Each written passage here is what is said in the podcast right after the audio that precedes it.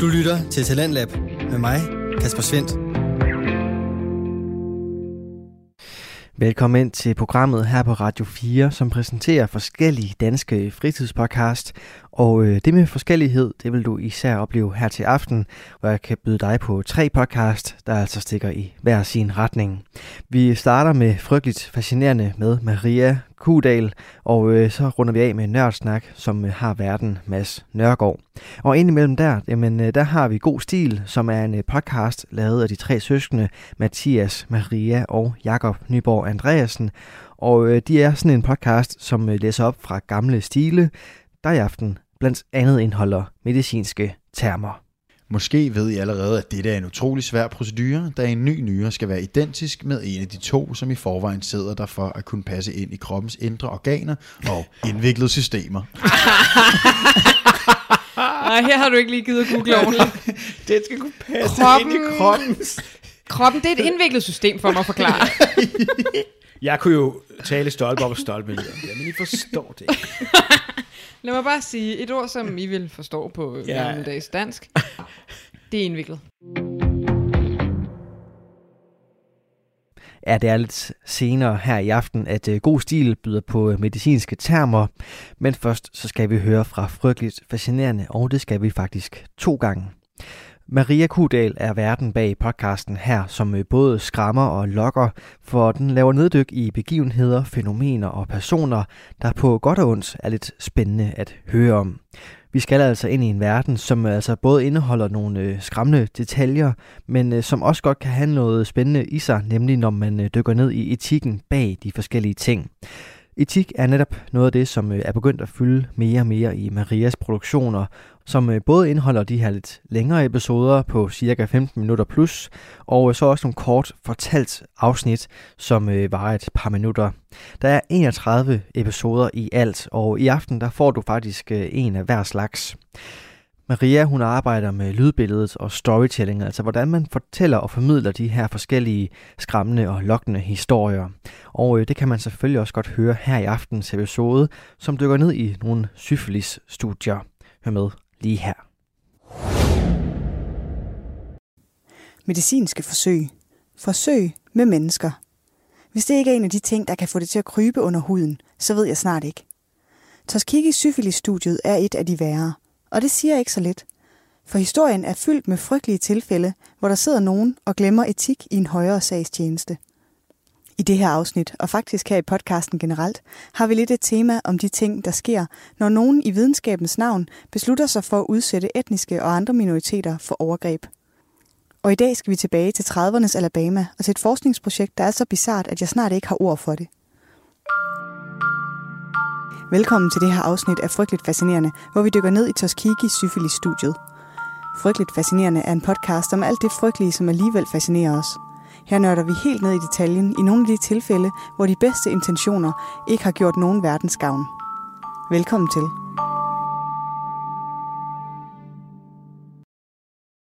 På forhånd vil jeg bare lige advare om, at der er en god portion frygtelig racisme og helt vanvittig uetisk omgang med menneskeliv i det her afsnit. Det er virkelig en meget trist historie på alle måder. Og det skal man lige være opmærksom på, inden man dykker ned i det mørke, der er Tuskegee syfilis-studiet. Hvis du ikke er helt med på, hvad det præcis er, at Tuskegee syfilis-eksperimentet er, så kommer der lige et kort oprids her. Og du kan ikke se det, men jeg laver citationstegn i luften, når jeg kalder det et eksperiment. For vi bevæger os virkelig i definitionernes grænseland, når vi kalder det her for et eksperiment. Og før vi for alvor dykker ned i det, så vil jeg bare lige opklare en enkelt misforståelse, som jeg har stødt på flere gange i researchen til det her afsnit. Og det er, at man inficerede folk med syfilis for at studere dem. Men det gjorde man faktisk ikke. Formålet med det her studie var at undersøge latent syfilis, altså syfilis, som forsøgspersonerne har haft ubehandlet i en længere periode. Man kunne derfor ikke inficere folk med syfilis. Det var ikke nye sygdomstilfælde, der var interessante for studiet. Mere om det senere. Men faktisk så findes der et andet amerikansk studie, hvor man inficerede personer med syfilis i Guatemala. Så det er ikke fordi, man som sådan havde nogen etiske principper imod at inficere folk med syfilis. Det var bare ikke lige formålet med det her studie. Så langt, så godt. I 1932 og 40 år frem løber et af de mest vanvittige forsøg med mennesker i moderne historie. Måske lige med undtagelse af det, der foregik i koncentrationslejrene, så er det her virkelig noget af det mest modbydelige, man har udsat mennesker for. US Public Health Service beslutter i starten af 30'erne, at de vil undersøge effekten af ubehandlet syfilis på menneskekroppen. Derfor beslutter de sig for at rekruttere deltagere til et studie. Men hvordan får man personer til frivilligt at melde sig til et studie, hvor man bliver diagnostiseret med en alvorlig og potentielt dødelig sygdom, som man så ikke modtager behandling for, selvom der eksisterer en behandling? Det korte svar er, at det gør man ikke. Det man gør i stedet er, at man udvælger et område, hvor uddannelsesniveauet er lavt, og hvor man kan forvente, at der ikke bliver stillet alt for mange spørgsmål. Og så udsender man løbesedler og reklamer, hvor man tilbyder folk at blive testet for, og jeg citerer, dårligt blod. Det her er et uddrag fra en flyer, der har til formål at lokke folk ind til en blodprøve. Colored people, do you have bad blood? Free blood tests available. Free treatment by county health department and government doctors. You may feel well and still have bad blood. Come and bring all your family. Og det er interessant, for det er her løgnen starter. Ingen nævner noget som helst om syfilis. De bruger bare den her eufemisme om dårligt blod. Og det kan i virkeligheden betyde hvad som helst. Dårligt blod. På det her tidspunkt i 30'ernes USA, der bruger man dårligt blod som en samlebetegnelse for alt muligt. Mentale problemer, kronisk træthed, sygdomme, alt muligt. Så i virkeligheden kan det betyde hvad som helst. Og så lokker de også med gratis behandling til en ludfattig landbefolkning. Og de behandler dem faktisk. Godt nok med en salve med kviksøl. Men det troede de altså var en god behandling dengang. De giver deltagerne kviksølsalve og instruerer dem i at smøre sig ind i det morgen og aften. Så ja, bevares, de giver deltagerne gift, men de gør det, fordi de tror, det er den bedste behandling. Efter kort tid så løber projektet tør for penge. Tungmetal Tungmetalsalve er åbenbart ret pricey, så der er ikke moneter til at tilbyde det længere. Og nu skal du møde to gutter, som er centrale for historien om Tuskegee syfilis-studiet. Talia Farrow Clark og Raymond Wunderlær. Clark og Wunderlær og de ser præcis ud, som du forestiller dig lige nu. Middelalderne selvgode mænd, der er i gang med deres lille eksperiment i en højere sagstjeneste. Men hvis ret skal være ret, så står de faktisk i lidt af en kattepine, for der er ikke flere penge. Og så får de en god idé. I stedet for at lade al den gode videnskabelige data og forskningsmulighederne gå tabt, så beslutter de sig for at fortsætte eksperimentet. Og overvåge deltagerne, for på den måde at se, hvad ubehandlet syfilis gør ved kroppen. Og så måske genoptage behandlingen, hvis projektet skulle modtage nye midler. En slags grotesk forestilling om win-win, fordi man antager, at de her landarbejdere ikke har nogen mulighed i verden for at skaffe behandling mod deres sygdom, selv hvis man fortæller dem, at de har den. Og det bringer os videre til sagens kerne i dag. For hele ideen til syfilisstudiet, den kommer ud af en af vores gamle kendinge. Eugenik. Eller racehygiejne, som det også mundret bliver kaldt. Jeg kalder det en gammel kending, fordi vi har talt om den her i podcasten. Både i afsnittet om det hvide snit, og senest er jeg dykket ned i historien om tvillingestudier. Så hvis den slags er noget for dig, så kan jeg anbefale de to afsnit. Men bliv lige hængende her lidt endnu og hør med. Så kan du altid høre de to andre bagefter. De løber ingen steder. Og sagens kerne i dag er, at hele eksperimentet i første omgang bliver designet for at forsøge at bevise en racistisk antagelse.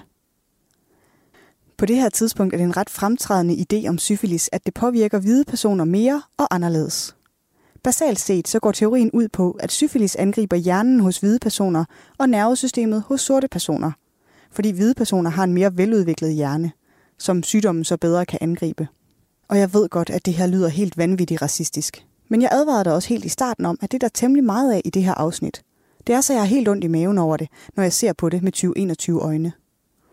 Men vores to ledende læger, Clark og Vondelær, beslutter sig for at fortsætte observationerne og studiet af de her landarbejdere, for at bevise endegyldigt, at der ikke forekommer neurosyfilis, det kalder man det, når syfilis angriber hjernen, hos sorte personer. Fordi sorte personers hjerne er mindre udviklet. Og de retfærdiggør det på en ret ejendomlig måde. Som vi tit ser det i historien, når læger gerne vil lave forsøg, hvor de ikke helt har etikken med. Clark og Vondelaire argumenterer nemlig for, at patienterne ikke ville søge behandling, uanset om de så fik at vide, at de havde syfilis. Her er et uddrag fra Clarks materiale. The state of affairs is due to the relatively low intelligence of the Negro population, depressed economic conditions, and the very common promiscuous sex relations of this population group.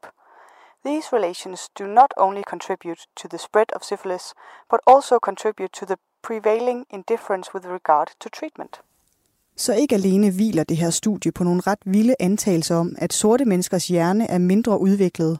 De retfærdiggør det også med, at de er for dumme og indifferente til at søge behandling, selv hvis de vidste, at de var syge. Og med det, så fortsætter studiet. I 1933 bliver det forlænget med 6 måneder, og de arbejder på at bevise, at syfilis ikke påvirker hjernen hos sorte mennesker. Så på mange måder har de det faktisk fint med, at de ikke længere behøver at tilbyde forsøgspersonerne behandling. Og de begynder igen at rekruttere flere deltagere med deres flyers om dårligt blod. De leder primært efter personer med latent syfilis, og helst personer, der har haft det i mere end fem år. Men de fortæller stadig ingen af deltagerne, at de har sygdommen. Man er faktisk ikke engang helt sikker på præcis, hvor mange deltagere der er i studiet, men det estimeres, at det er omkring 600, og at omkring 200 af dem er i kontrolgruppen. Og i hele studiets levetid får de her mænd i omegnen af 1000 børn. Og fordi data fra dengang ikke er super veludbygget, så ved vi faktisk ikke noget om, hvor mange af de børn, der blev født med syfilis, eller døde af det i deres første leveår. Men vi ved, at det er en risiko, når man har medfødt syfilis. Og på det her tidspunkt går studiet ind i en ny fase. Ud til alle deltagerne sendes et brev, som jeg her læser op for dig. Mason County Health Department. Dear Sir, some time ago you were given a thorough examination, and since that time we hope that you have gotten a great deal of treatment for bad blood. You will now be given your last chance to get a second examination. This examination is a very special one, and after it finishes, you'll be given a special treatment if it is believed you were in a condition to stand it. Remember, this is your last chance for special free treatment. Sidste linje er skrevet med versaler. Og det, som er brevets formål, det er for alle deltagerne til at komme ind og få lavet en rygmavsprøve. Og nu er jeg ikke læge, men jeg ved tilfældigvis, at det er en sindssygt smertefuld ting at få foretaget. Og det eneste egentlige formål med den er at afgøre, om forsøgspersonerne har neurosyfilis. For det kan man afgøre med rygmarv. Men det har intet formål for forsøgspersonerne, for de bliver ikke tilbudt behandling, uanset. Og så understreger det også studiets løgnagtige fundament. For de lokker med behandling. De fortæller forsøgspersonerne, at de bliver behandlet for deres dårlige blod, og på den måde kan blodprøver, rygmarsprøver, smerter og ubehag retfærdiggøres. Samtidig udskriver man aspirin til personerne, som kun tidligere i meget begrænset omfang har fået nogen som helst form for medicinsk behandling. Og de føler derfor, at de modtager kompetent medicinsk behandling, fordi de får smertestillende og generelt har det bedre. De er dybest set spundet ind i et spind af løgne på det her tidspunkt. Og i slutningen af de seks måneders forlængelse, mens Clark og Vondelær er ved at pakke deres happengud, så kommer de til at tænke på noget. Nu hvor de alligevel har al den her dejlige data om syfilispatienter, så ville det da næsten være ærgerligt bare at pakke sammen og efterlade det hele. I en korrespondence mellem Clark og Vondelaire skriver Vondelaire, vi står jo faktisk med ganske mange cases, som ikke har modtaget andet end kviksøl for deres syfilis. I moderne forstand er de jo nærmest at regne for ubehandlede. Og hvis vi fulgte dem over en periode på, lad os sige 5-10 år, så kunne vi opdage mange spændende fakta om fremskreden og ubehandlet syfilis. Og sådan lægges kimen til den næste fase af forsøget. Nu har vi først behandlet forsøgspersonerne, dernæst foretaget prøver på dem, mens vi gav dem aspirin som en slags forestillet behandling, og endelig beslutter de to ledende læger at fortsætte observationerne og ikke lige fortælle personerne, hvad det egentlig er, de fejler. Og når man tænker over det, så er det ret paradoxalt det her. For i lang tid, så har man slet ikke nogen kur mod syfilis. Så vi har ikke rigtig behov for et studie af konsekvenserne ved ubehandlet syfilis. Det har vi allerede. Data for ubehandlet syfilis findes. For i årtier var der ikke nogen behandling mod sygdommen. Så man har frit kunne observere konsekvenserne af det. Hele verdens syfilis-tilfælde har gennem det meste af historien været et stort studie i ubehandlet syfilis. Vores to læger er virkelig været direkte ned i suppedasen af moralsk forfald. Ned af etikkens trappetrin, om man vil. Jeg ved, at en normal indvending mod kritik af studiet er, at det er udført i en helt anden tid. At konteksten var en anden. Og det er også rigtigt. Samfundet var stadig domineret af galopperende og åbenlys racisme. Der er ingen officielle etiske retningslinjer for videnskab. Informeret samtykke bliver først indført i medicinsk behandling i USA i 1957. Og det er da også alt sammen rigtigt nok. Men hvis det var et eksperiment, der var blevet lavet på en, du kendte, så ville du være frastødt af det. På sådan en helt basal mavefornemmelsesniveau, så er det altså bare forkert. Og lavet som om, at vi behandler for en sygdom. Men i virkeligheden så lyver vi om det, og vi udsætter også de stakkels testpersoner for smertefulde indgreb, som ikke gavner dem på nogen måde, mens vi smiler og lader som om, at det er en del af behandlingen. Vi ser det hele tiden med eksperimenter og forsøg, som en majoritet laver eller begår mod en minoritet. De bliver forsvaret, nogle gange helt frem til nutiden, med gode intentioner. Men det er vigtigt at være bevidst om, at gode intentioner og frygtelige konsekvenser ikke er gensidigt udelukkende. Og det betyder ikke, at der ikke er noget at lære. At nogen ikke vil holde sig ansvarlige. Det her eksperiment fortsætter langt op i 50'erne. Altså efter verden i sin kollektive bevidsthed har fået indskrevet de frygtelige ting, der sker, når etik bliver tilsidesat i medicinsk forskning. Det her er efter de grusomme forsøg i koncentrationslejrene. Vi er blevet klogere. Og der er alligevel ingen alarmklokker, der ringer. Jeg fandt et interview med en af de forskere, der arbejdede på projektet, hvor en forfatter spørger ham om netop det. Han spørger ham, om ikke ham og de øvrige forskere skulle have genovervejet studiet i lyset af alle afsløringerne efter 2. verdenskrig. Og det han svarer er ret bemærkelsesværdigt, for han er sådan, jamen, dem der gjorde alt det, de var jo nazister. Og sådan kan det altså gå til, at den gode sags tjeneste bliver fuldstændig overskyggende for, hvad det egentlig er, der foregår. Men vores to læger beslutter sig altså for at søge om at få projektet forlænget, så de kan fortsætte med at følge og observere forsøgspersonerne. Og det er her, det bliver helt absurd morbidt. For når det, man interesserer sig for, er konsekvenserne af ubehandlet syfilis, så bliver forsøgspersonerne først rigtig interessante, når de er døde og kan obduceres. Så sidste fase af det her studie kommer i sin essens til at handle om at holde øje med forsøgspersonerne indtil de dør. I materialet fra forsøget har jeg fundet et sted, hvor en af forsøgsdesignerne kalder forsøgspersonerne kadaver, der er blevet identificeret, mens de stadig er i live. Og det er det, som Clark og Vondelær er interesseret i nu. Mændenes kroppe efter de dør. For at få kapaciteten til at følge de her mænd og til at obducere dem efter de dør, så søger Clark og Vondelær om at få Tuskegee Institute med som partner.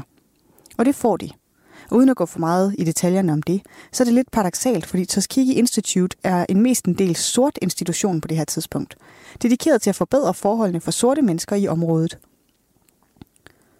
Men de er samtidig støttet og primært finansieret af hvide filantroper, så de balancerer hele tiden på en knivsæk i forhold til at holde alle glade. Så de ender med at indvilge i at indgå som partner i projektet. Noget af det, der giver mig myrekryb ved det her, er, at det er en eksplicit overvejelse i forskningsteamet, at de har brug for at få en partner med, der repræsenterer sorte mennesker, hvis de vil have, at den sorte landbefolkning skal stole nok på det til at deltage.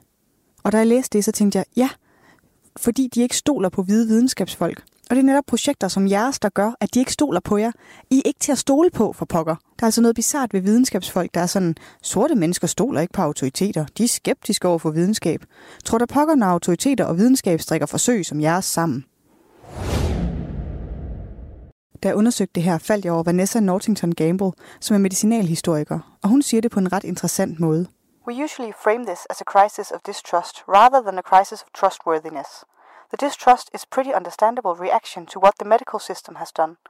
And so it's always framed as like, why don't these people trust the medical system? And not, why has the medical system failed? Og nu kan du måske huske, at jeg i starten forklarede, at det er en udbredt misforståelse, at man inficerede forsøgsdeltagerne med syfilis. Det gjorde man ikke, det har vi allerede etableret. Men en af de læger, der arbejdede på forsøget i Guatemala, hvor man faktisk inficerede personer med syfilis, John C. Kotler, han kommer også til at spille en rolle i Tuskegee-studiet. Og i øvrigt, hvis du tænker, hvad er det for et studie i Guatemala, og hvorfor fortæller du ikke noget mere om det, så er det faktisk en helt anden historie. Og man kan ikke sådan blande historier sammen. Men måske, hvis du er heldig og lidt tålmodig, så kan du høre mere om det i næste uge. Men John C. Kotler er interessant, fordi han nærmest bliver rejsende i etisk problematiske syfilis-studier. Og det fortæller os også noget om den selvopfattelse, som de her videnskabsfolk har haft. For de har virkelig været overbevist om, at de arbejder i den gode sags tjeneste. Man ser det mange steder i materialet fra den gang, at de opfatter sig selv som generaler i en krig mod sygdommen. Og du kan ikke se det, men jeg sætter citationstegn omkring krig. Men jeg ved faktisk ikke rigtig, hvorfor jeg gør det. For det er ikke noget, der er hverken unikt eller nyt. At sprog for krig bliver brugt som sprog for sygdom. Faktisk er det også noget, jeg har talt om før. I mit allerførste podcastafsnit, der taler jeg om Münchhausen by internet. Og hvis du ikke lader dig skræmme af, at jeg helt klart har begyndervanskeligheder i det afsnit, så kan du høre det, hvis du gerne vil finde ud af, hvad krigsretorik i sundhed har med kraftblokker og Münchhausen at gøre.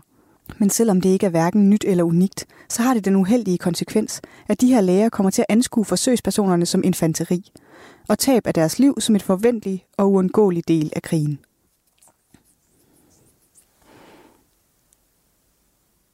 Og det har faktisk også nogle uheldige konsekvenser for vores forsøgspersoner, den anden krig slutter. For i 1945, da penicillin bliver gjort bredt tilgængelig, i så vid udstrækning, at der er projekter, hvor mobile sundhedsenheder kører rundt i Alabama og tilbyder indsprøjtninger til i det store og hele tilfældige personer. Der bliver der gjort en helt ekstraordinær indsats for, at de her mænd i Tuskegee-studiet ikke bliver tilbudt penicillin. Og det her er noget, der har rumsteret i mit hoved lige siden jeg begyndte på at undersøge det her. Nu har vi en kur mod syfilis. Penicillin behandler sygdommen. Hvad i alverden skulle så være ideen med at blive ved med at studere sygdommen? Hvorfor? Nu kan vi bare behandle den, så er viden om, hvordan den udvikler sig, hvis den er ubehandlet vel, overflødig. Jeg har taget et lille citat med fra en af forskerne i studiet, hvor han siger, If we treat the men now, syphilis will go away with all its secrets withheld from us. og man kan ikke lade være med at tænke, og hvad så? Hvad er der egentlig gået tabt? Det er en virkelig vild mentalitet, men det er så også noget, vi ser ret ofte, når videnskabsfolk er i gang med noget, der bare ikke er helt etisk forsvarligt. Så er de sådan, det er en enestående mulighed. Vi får aldrig muligheden for at lave et lignende studie igen. Men det er bare ikke godt nok. Mange ting er en enestående mulighed. Det er ikke nok til at retfærdiggøre, at det bør gøres. En, som deler det her synspunkt, er Susan Reverby. Og hvis du kun husker et navn fra dagens afsnit, så synes jeg, det skal være hende. For hun er pragtfuld. Hun har skrevet flere bøger om og forsket i Tuskegee-studiet, og så stod hun bag afsløringen af studiet i Guatemala. Hun holder 100, og hun har gjort det til en mission at slå fast og understrege, hvor uendelig lidt Tuskegee-studiet bidrog til den videnskabelige indsigt i syfilis. Både fordi den viden, de ledte efter, langtidseffekterne af syfilisinfektion, blev overflødiggjort af penicillin, men også fordi de var helt uendeligt usystematiske og faktisk decideret tjuskede i deres dataindsamling. Allerede i 1948 har de mistet kontakt til en fjerdedel af mændene i studiet, og de har kontinuerligt rekrutteret flere ind. Der er ingen ægte kontrol med noget som helst. Og selv studiets centrale formål er kompromitteret. De studerer ubehandlet syfilis, men de har ikke nogen måde at sikre, at forsøgspersonerne ikke har fået behandling andre steder fra. I slutningen af 40'erne og starten af 50'erne er penicillin en almindelig behandling for alt muligt. Personerne i studiet kan have fået det udleveret for alle mulige sygdomme. I 1952 estimeredes det, at 30 procent af personerne havde modtaget penicillin i en eller anden dosis på et eller andet tidspunkt. En anden praksis, som man som videnskabeligt interesseret kun kan ryste på hovedet over, er, at når personer i kontrolgruppen tester positiv for syfilis, så flytter man dem bare over i den anden gruppe. Sådan, så har vi flere forsøgspersoner. Der er en uhyggelig lemfældig omgang med videnskabelig praksis her. Særligt taget i betragtning, hvor store menneskelige ofre, der bliver bragt for, at studiet kan gennemføres. Da resultaterne af studiet begynder at blive udgivet, for det bliver udgivet, 13 videnskabelige artikler i forskellige medicinske tidsskrifter kommer der ud af projektet. Så er der et ret interessant sprogvalg. En af de artikler, jeg har fundet, den hedder Untreated Syphilis in the Male Negro, og det bliver den ved med at hedde, selv efter penicillin bliver tilgængelig. I den artikel beskrives forsøgspersonerne som frivillige. Man skriver ikke, at man ikke har fortalt dem, at de er syge. Så et eller andet må forskerne vel have tænkt om det, ellers har de nok bare skrevet det. Og det er det, jeg synes er værd at bemærke. Det her studie bryder altså med den etiske forståelse dengang. Det er ikke bare et spørgsmål om noget, der med tiden er kommet til at klinge lidt hult. De vidste godt, at det, de gjorde, var etisk problematisk. Noget af det mest deprimerende ved de her artikler er deres resultater. Det, de når frem til. Deres primære videnskabelige fund er, at personer med ubehandlet syfilis ikke lever lige så længe som personer, der ikke har syfilis. I gennemsnit 20 procent kortere. Revolutionerende. Det er bemærkelsesværdigt, hvordan de her forskere hopper og springer for at bevare studiets integritet, når der ikke er nogen integritet at bevare. Vi har hverken etik eller god videnskab her. Vi har bare et grotesk magtværk. Og det, som du nok har ventet på, det kommer vi til nu. For hvordan bliver det her opdaget? Og igen, opdaget skal altså tages med et grænsalt, det her. For det er opdaget, der er udgivet artikler. Og det er faktisk med udgangspunkt i de offentlige artikler, at vi har flere forskellige whistleblower-forsøg. Der er først et par stykker, som ikke har nogen succes. De bliver simpelthen ikke taget alvorligt. De er for konspiratoriske. Det er for svært at tro på, at der eksisterer et studie, hvor man lyver for deltagerne og undlader at behandle dem, for at undersøge, hvad en sygdom, som vi sagtens kan behandle, gør ved kroppen, når den er ubehandlet. Men i 1965 sker der noget. Her har vi en ung læge. Han hedder Peter Buxton, og han er 28 år gammel, og så er han en slags herre penicillin. Penicillin, manden. Han har gjort det til sin mission at opspore folk med syfilis og tilbyde dem penicillinbehandling.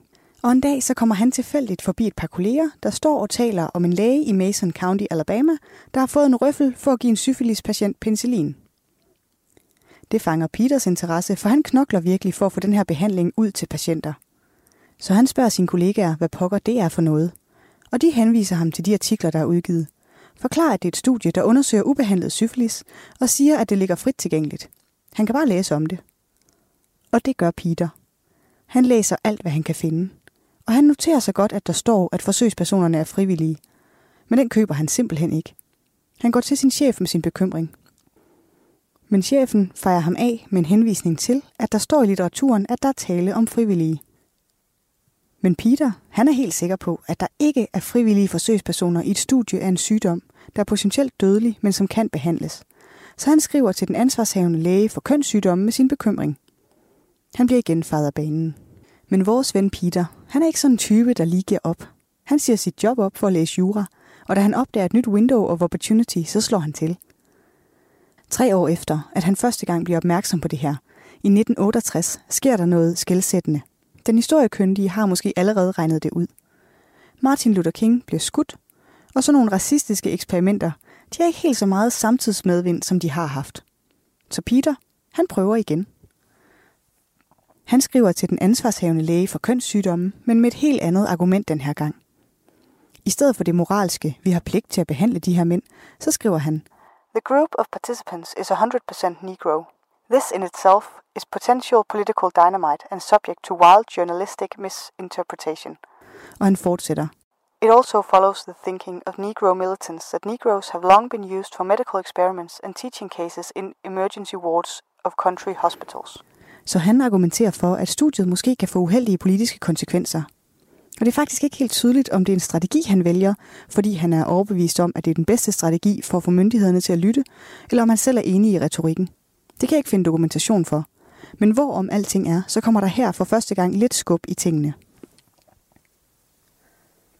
Der bliver afholdt et møde med ledende embedsmænd og læger, hvor det bliver diskuteret, om studiet kan fortsætte. Og så sker der ingenting. Og det er her, hvor mit forhold til vores mand Peter Buxton bliver sådan næsten fangirl-agtigt.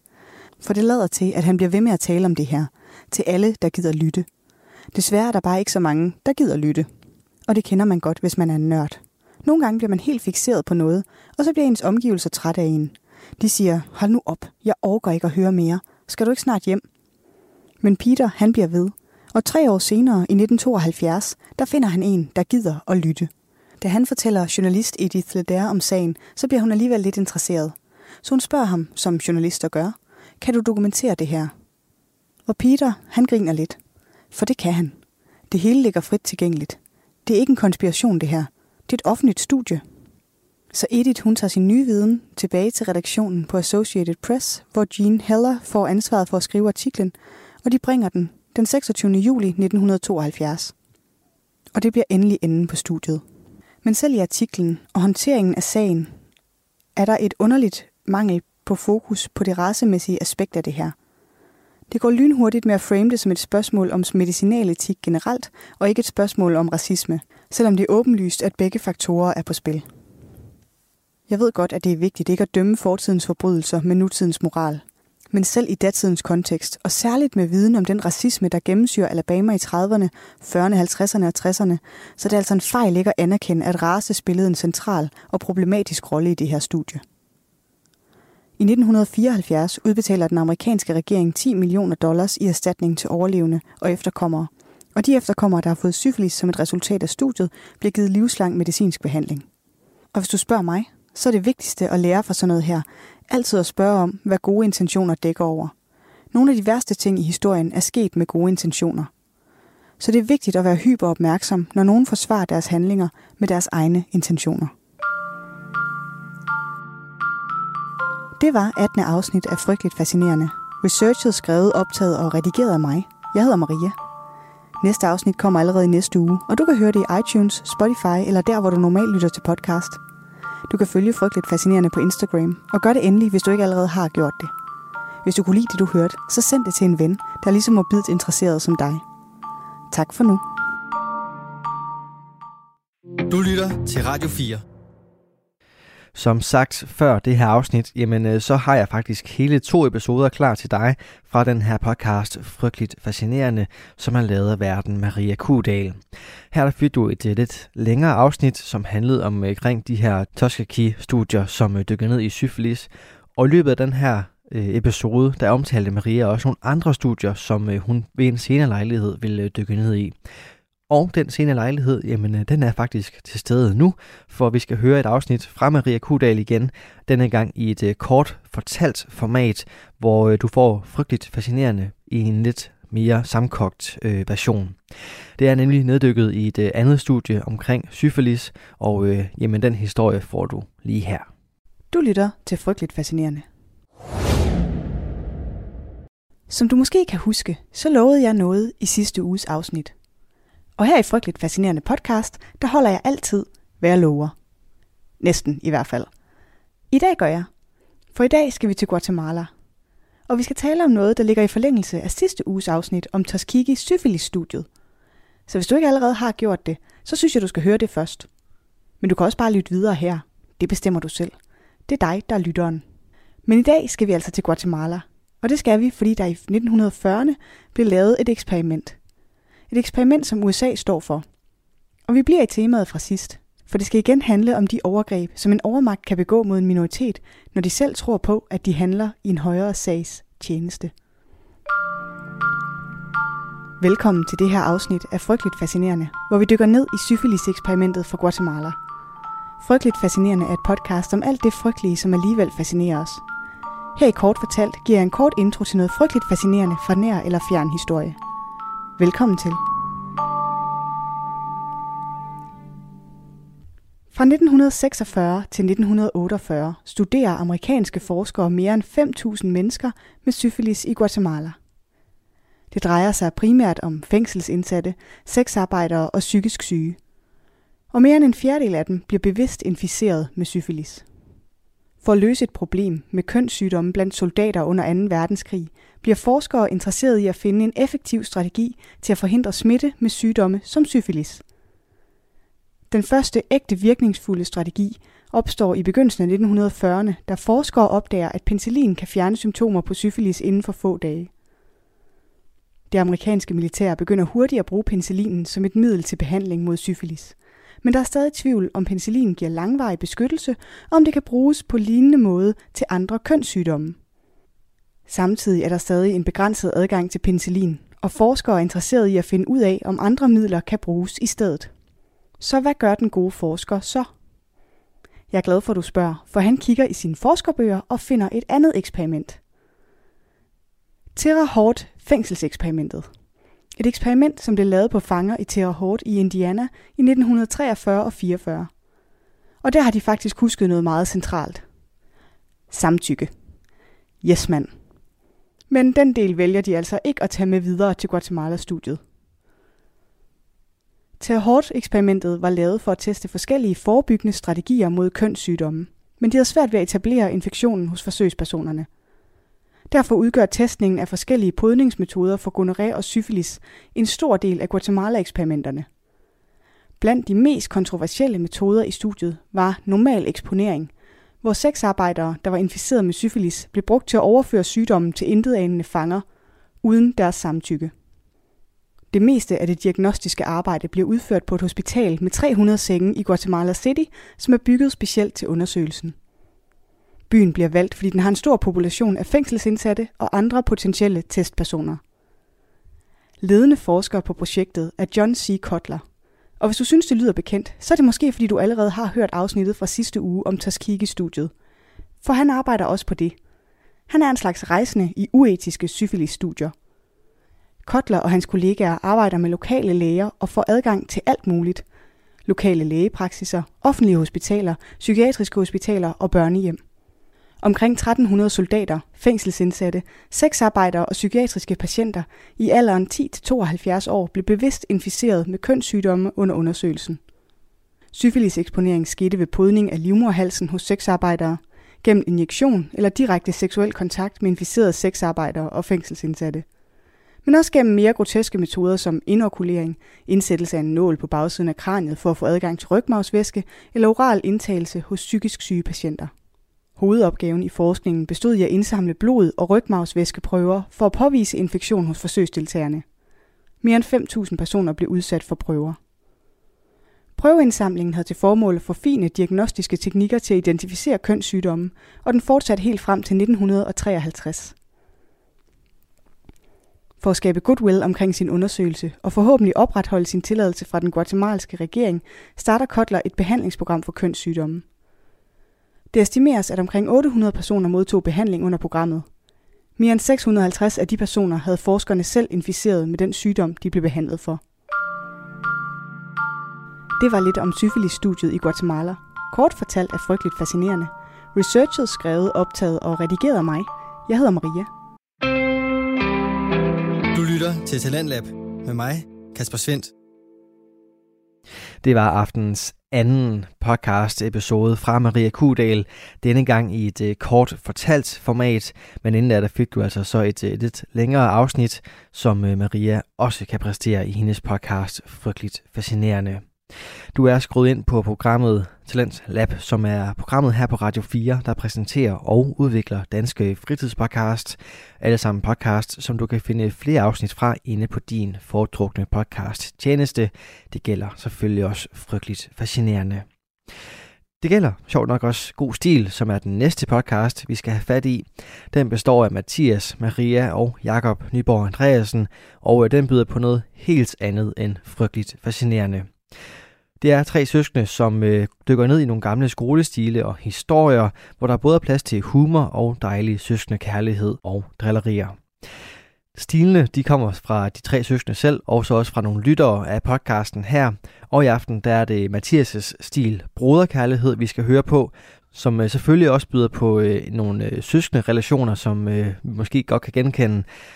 Og så også nogle, øh, nogle medicinske termer, som jeg teasede for i starten af programmet her.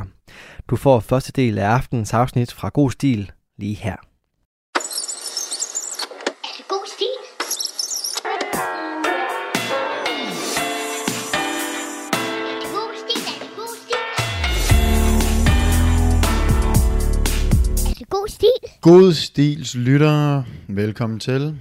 Det er det nyeste nye afsnit, afsprittet, afdukket, flot og klar til at blive leveret.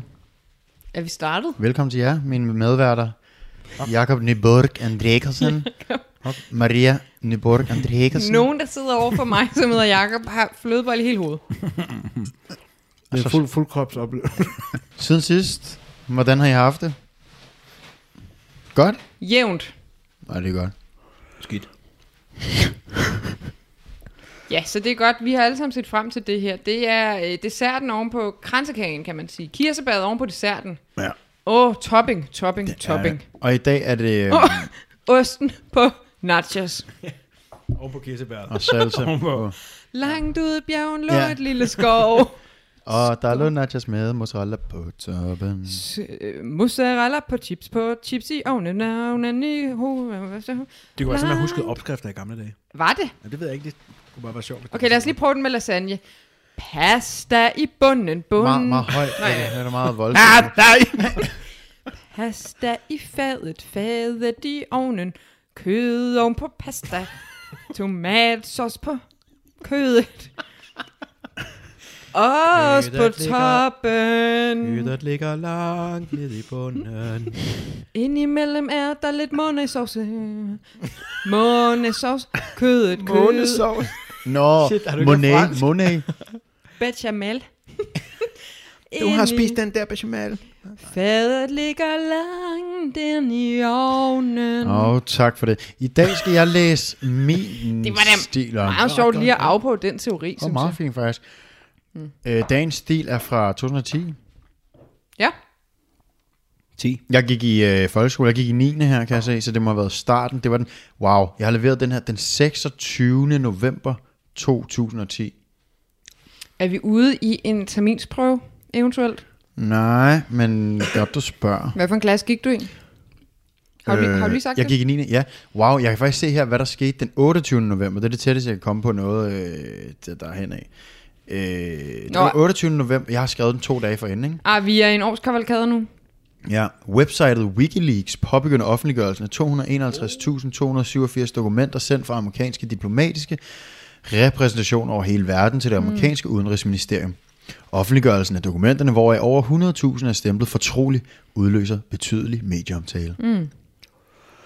Det er også året, hvor at, øh, den enbenede øh, tjetjenske mand øh, oh, vil lave et øh, terrorangreb, og øh, dynamitstængerne går af øh, altså, da han har, har den i hånden, Ja, inde på det inde der- på et hotel. Var det ikke noget med Petri? hotellet, inde på, søerne. Jo, jo, jo. Og så flygter han sig et eller andet til St. Jørgen eller sådan noget. Mm. Ja, nej, han, han flygter ned i øh, den der park. Øh, Ja, Sankt Jørgen. Nej, han, Ørsted. Ørsted. Ørsted, Ørsted, ja. Sankt Jørgen. Sankt Jørgens Sø hedder det. Sankt Jørgen hedder Det var manden. den, hvor ham fra Pusher, han øh, og noget med nogle penge. Ja, ja. Og så var- smed han al øh, sin øh, Har dem godt. harmengud ud. Og Ja, det var i Sankt Jørgens. Sø, ikke? Det var den sydligste, jeg kan huske, det er i Sankt Jørgens. Det tror jeg. Det er ikke pebling-dosering i hvert fald. Du ved det, fordi du engang har lavet det der for øh, Copenhagen øh, Movie Business. Ej, jeg troede lige, jeg kunne sidde og flotte Ja, mig. ja, ja, nej, nej, nej, nej, nej. Øh, det er rigtigt nok. Jeg lavede engang et filmisk løb rundt i København for Copenhagen Pix. Desværre kan man ikke få billetter til det mere, for det var tilbage i 2012. Kan man Men- ikke se filmene? Jo, Ja. man kan godt se Pusher. Jeg, det var rigtig, rigtig fint, og Maria havde løb, jeg løb med for mm. at støtte min øh, søster, ja, og øh, Maria havde sagt, at det blev et lille løb på 3 km, tror jeg, du sagde. Og vi endte med at løbe 11 km. Ja. Og undervejs fik vi så været sprudt op i ballongønnerne i Tivoli og sådan noget, så jeg var halvfuld og havde løbet cirka fire gange så meget, end jeg egentlig Wow. kunne. ja, det var ret fedt. Og ude på Langebro var der en eller anden fyr oh. i en papmaché-tøj, som var, var klædt ud som reptilikus. Ja, ja, ja. ja, ja. Det var en Jeg havde, min, øh, jeg havde min ven øh, Christian Ågaard med, mm. som er to meter høj og vejer 150 kilo, og han fløj op, som en, da den der reptilikus-person hoppede ud fra en eller anden bropille. Ja. Og hvis der er nogen, der ikke lige øh, kender den reference, så er det den gamle danske film Reptilikus, hvor sådan et monster smadrer København, blandt andet Langebro.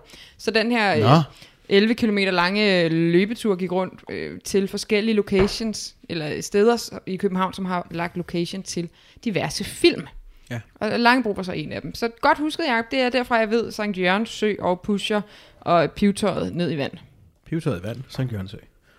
Øh, Og Ja. bo, øh, et bindet bombemand. Nå, men det her, det her filmløb Ja. skete jo ikke i 2010, Og jeg bare så, lige så, så, så nej. øh, skal Connie Hedegaard udnævnes til en ny EU-kommissær Klimaminister. for klima. Yes. Så har vi øh, anden øh, hvid jul i streg på, øh, i Dänemark. Hvor holdt vi jul i 2010? Øh... Og vi kan lige regne tilbage. Det er vi ikke så gode til.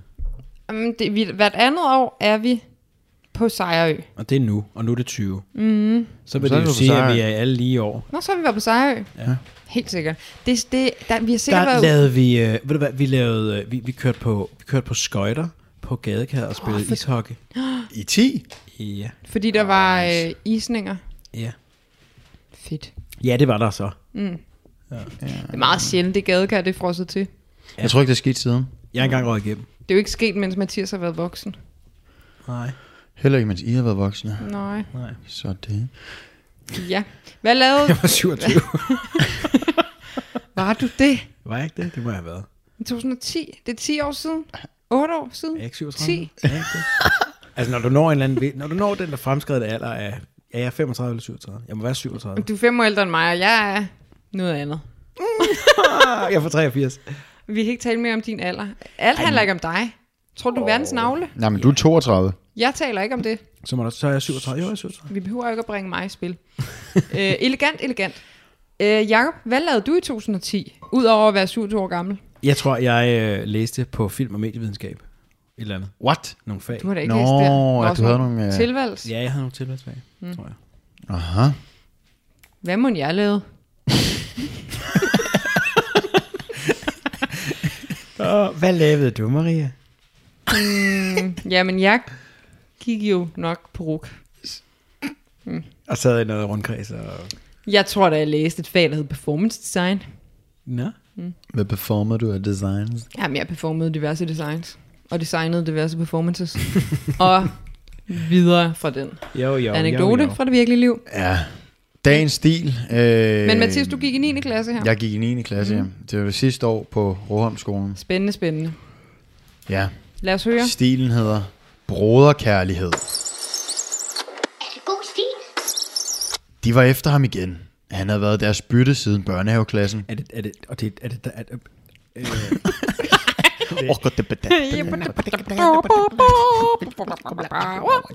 er det dig, der har skrevet den? Ja, jeg skal. Ja, Det var det, jeg har skrevet den, ja. Jeg er forfatter. Jeg er forfatter af Broderkærlighed. Sådan. Det er Mathias Nyberg Andresens forfatterskab, Ja. vi jo har åbnet. Vi har Yes. åbnet et forfatterskab. Yes. Altså fik I den som et skab, man åbner, ikke? Yes. Mm. Nej, først da du sagde det. Yes. De var efter ham igen. Han havde været deres bytte siden børnehaveklassen. Intet kunne hjælpe ham nu. Han var presset over i det yderste hjørne af skolegården. Gemt væk i det store egetræs brede skygger. Nu har vi dig, din lille Jeg, vidste ikke, jeg ved ikke, hvorfor jeg spurgte dig, fordi det, det er en uh, klassisk uh, Mathias-sending. De E60 brede. Men altså, kan I huske, at jeg for, på, noget, på et tidspunkt øh, skrev øh, under overfladen med ham, den svenske, den Daniel. skandinaviske ven, der kom ind. Ja. Jeg Som Daniel, jeg kom fra Göteborg. Ham her, han, øh, han blev tydeligvis også drillet i hvert fald. Jo, jo. Og det, det har jeg altså ikke selv oplevet, at øh, jeg er blevet i folkeskolen, så jeg ved ikke, om jeg ligesom har... Nej, men en god forfatter efterlader jo ikke altid noget af sig selv. Nå. Nej. Så gør man. Jo, øh, så lidt som muligt, plejer man at sige. Mm. Ja. Nu har vi dig, din lille mide. Var du ved at pisse i bukserne, siden du løb så hurtigt ud af klassen? Nej, jeg skulle bare over til den E60 brede skygge og væk fra solen. Solen er min ven. Jeg kan se, at ormen ikke kunne holde det indenbords. Ad, han tissebukserne? Men de Ja, det tror jeg. Jeg har ikke gjort jer noget. Lad mig nu bare være. Vi skal nok lade dig gå, efter vi har haft det lidt skægt. Ikke også, drenge? Det var en god bølgestil. Jo, blev der brølet i kor.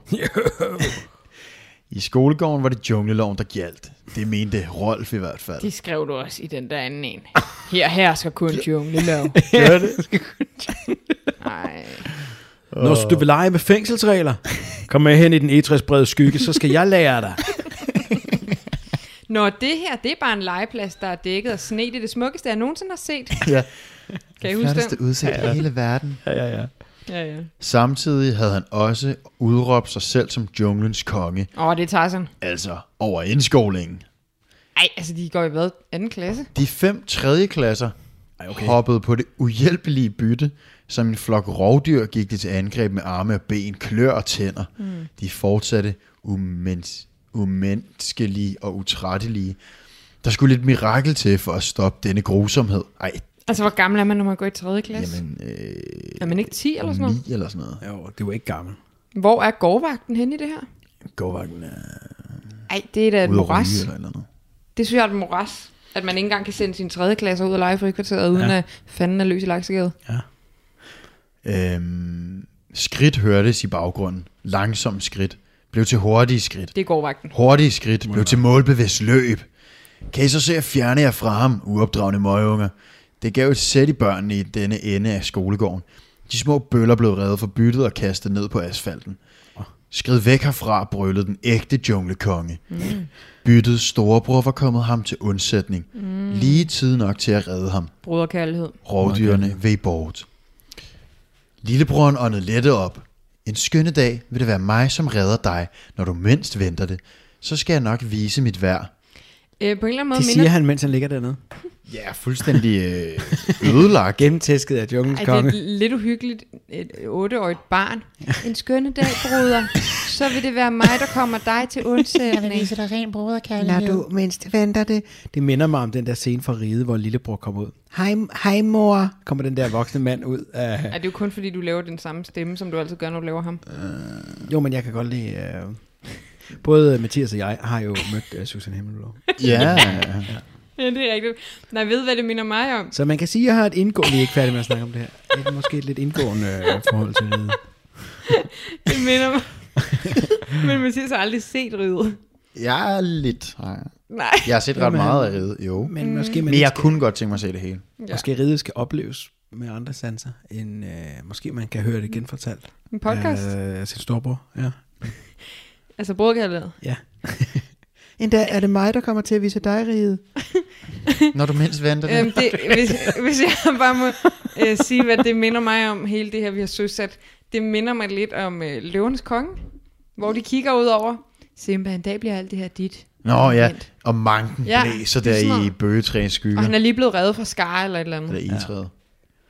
Det er godt Ja, frygtelig film. Mm. Øh, ellers den er jo god. Mm. Øh, med et fornøjet grin nussede storebroderen hurtigt sin lillebror i håret, og tog sig derefter straks til sit hoved. Nej, det er ligesom at se jer to. ja. Ja, Ja, Ja. Ej, hvor I også nusser i håret, og He- ja, hele tiden. altid. Mm. altid. du pusser Jakobs pande. Jeg nusser dig i håret, når du mindst venter det. Hvad er der galt? Er det dine nyere igen? Ja, det tror jeg desværre, det er. Jeg har haft kvalme hele dagen. Samtidig med en voldsom det, vi hovedpine. spor- vi, Nå, okay, ja. Det er lige, jeg mangler lige kobling. Ja. Storbånd tager sig til hovedet. Er det de nyere igen? Øh, vent lidt, er det Storbrun, der har nyhedsvægt? Storbånd har nyhedsvægt og får ondt i hovedet, når han har ondt i nyere. Nej, vi ved ikke, om han er nyresvægt. Vi ved bare, at han, der er noget med de nyere der. Jeg har skrevet nyresvigt på Ja, mit papir. altså, det, det er jo helt klart en, øh, altså sådan et kald for organdonation. jeg er skriver, jeg, Ja, jeg, ja, det kunne faktisk godt være. Han hjælper ham selvfølgelig, fordi han giver ham en nyre. jeg skriver dialyse. Endelig blev det min tur. Står han der, fordi det er lige bleg og et kæmpe sår i siden. Du fik dem begge to. Nej, du har ret. Selvfølgelig er det en organhistorie. Ja. Ej, I har fået videre I jeres det? lærer. Venner, vi mangler nogle organer i Danmark. Prøv at Ej, i- skrive i niende jeres klasse? take på, hvordan vi skal få fat i de organer. Sådan er det. Præcis. Shit, Shit, jamen, Ordret. så, øh, Tilmeld jer or- organregistret. jeg er sikker på, at min lærer går ud og deler sin nye ud med det samme efter det her. Ej, men 100p. Der er en lillebror her. Han skal ofre en nyre. Ellers så ender storebroren i livslang dialyse. Det er en konklusion. Jamen lad os finde ud af det. Spændende, spændende. Jeg har også skrevet piv, spørgsmålstegn. Hvorfor? Hvad må det betyde? Det er øh, dreng eller piv. det er jeg til at sige før. Og så skriver du det ned. Nå ja, det er en længere historie. Mm. Piv, tøj, tror jeg det er. Ja, det tror jeg også. Er det ikke i dag, dig og mor skal på hospitalet? Jeg vil nemlig godt med. Altså, øh, af hvad der lige er sket med ham, synes jeg, at han er... Øh, altså, Meget betænkt som Altså ham, lillebroren? Nej, jamen det er også sådan... Øh, nej, nej, nej, der, venner. jeg tager bare afsted. Altså, jeg har tæsket sønder sammen Men og skal dog- bruge to aksilkrykker i hvert Det fald. er jo derfor, han skal på hospitalet. Nej, det er da broren, der skal... Altså, det er storebroren, der skal. Her er min armhulestok. Lillebroren ser den idé at følge med på hospitalet, så han selv kan blive lappet sammen. Ej, så, så er det jo To sådan lidt... Øh, To, To fluer med et smæk. To fluer med et smæk. Ja. Og en kryg. Aksilkryg. øh, storebror nikkede kort. Please nævn en aksilkrykke i den historie. Storebror nikkede kort, men stormede hurtigt ud på toilettet for endnu en gang at komme kvalmen til livs. Mm. Har du researchet på, hvad det vil sige at have nyresvigt, tror du? Tror du, man får kvalme? Ja, det ved jeg ikke. Nej, det tror jeg ikke, jeg har. Man tager sig til hovedet i hvert fald, ved vi det. Ja. Okay, hovedpine, kvalme, nyre. Ja, og til lytterne, øh, vi har ikke en medicinsk baggrund, så hvis I har de her øh, symptomer, så er det ikke, fordi I har nyresvægt. Nej, det kan vi jo ikke undvise, anvise. Vi kan ikke Nej, vi kan få ikke en led anvise i det. det i hvert fald. Ikke noget. Slow. Han kunne ikke fatte det. Han havde virkelig hørt rigtigt. Efter tredje gang må ens ører vel have hørt korrekt. Mm. Men så betyder det jo, at han lige havde fået konstateret lupus hjertekarsygdom. Oh, nej. Okay, der er et eller andet, jeg har været inde og google. Ja, helt klart. Lupus hjertekarsygdom. At, sikkert Nå, jeg troede, det var, jeg troede, det var min underviser, der havde lavet et spørgsmålstegn ved det. Men det er et, øh, et spørgsmålstegn, jeg selv har lavet. Hvilket gjorde, at begge hans nyrer ikke fungerede, som de skulle. Jeg har stensikkert været inde og søge. Nu skal I høre den næste sætning, der kommer. jeg glæder mig.